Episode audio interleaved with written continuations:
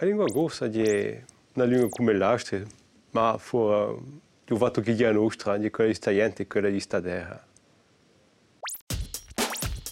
Quando è che voi avete imparato a fare la corsa? E beh, a me babbo mi ha sempre parlato corso, vale dica io sicuramente parlato corso non so francese e che ho corso è una lingua baderna. Quando la dublate a lingua corsa? Parlo corso in tutti, tutti gli aspetti dell'intimità e di uso sociale, di meno di un professionale. Ma un professionale diremo che se io devo parlare o scrivere in inglese io mi dirangerei mica, forse mica abbastanza galabato, ma mi dirangerei mica. Ma per uso sociale il corso mi, mi sta bene, in tutti gli aspetti, anche personale. Chi rappresenta per voi la lingua corsa?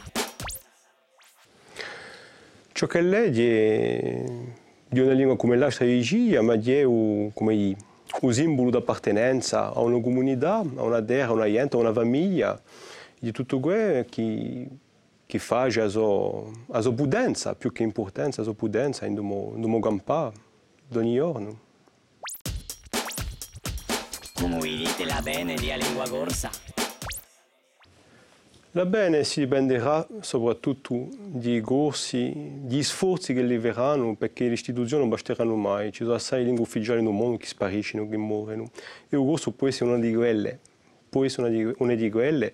Ciò è mica di sicuro perché di una ricchezza io non penso mica che, che ci potrebbero essere in un mondo una decina di lingue forse più, più parlate, ma boh, non è mica un, non è mica l'importanza di dietro che conta di ciò che la rappresenta di immaginario, d'appartenenza a una comunità, lingua, e dunque dipende dai corsi, di quelli che tengono eh, quella lingua.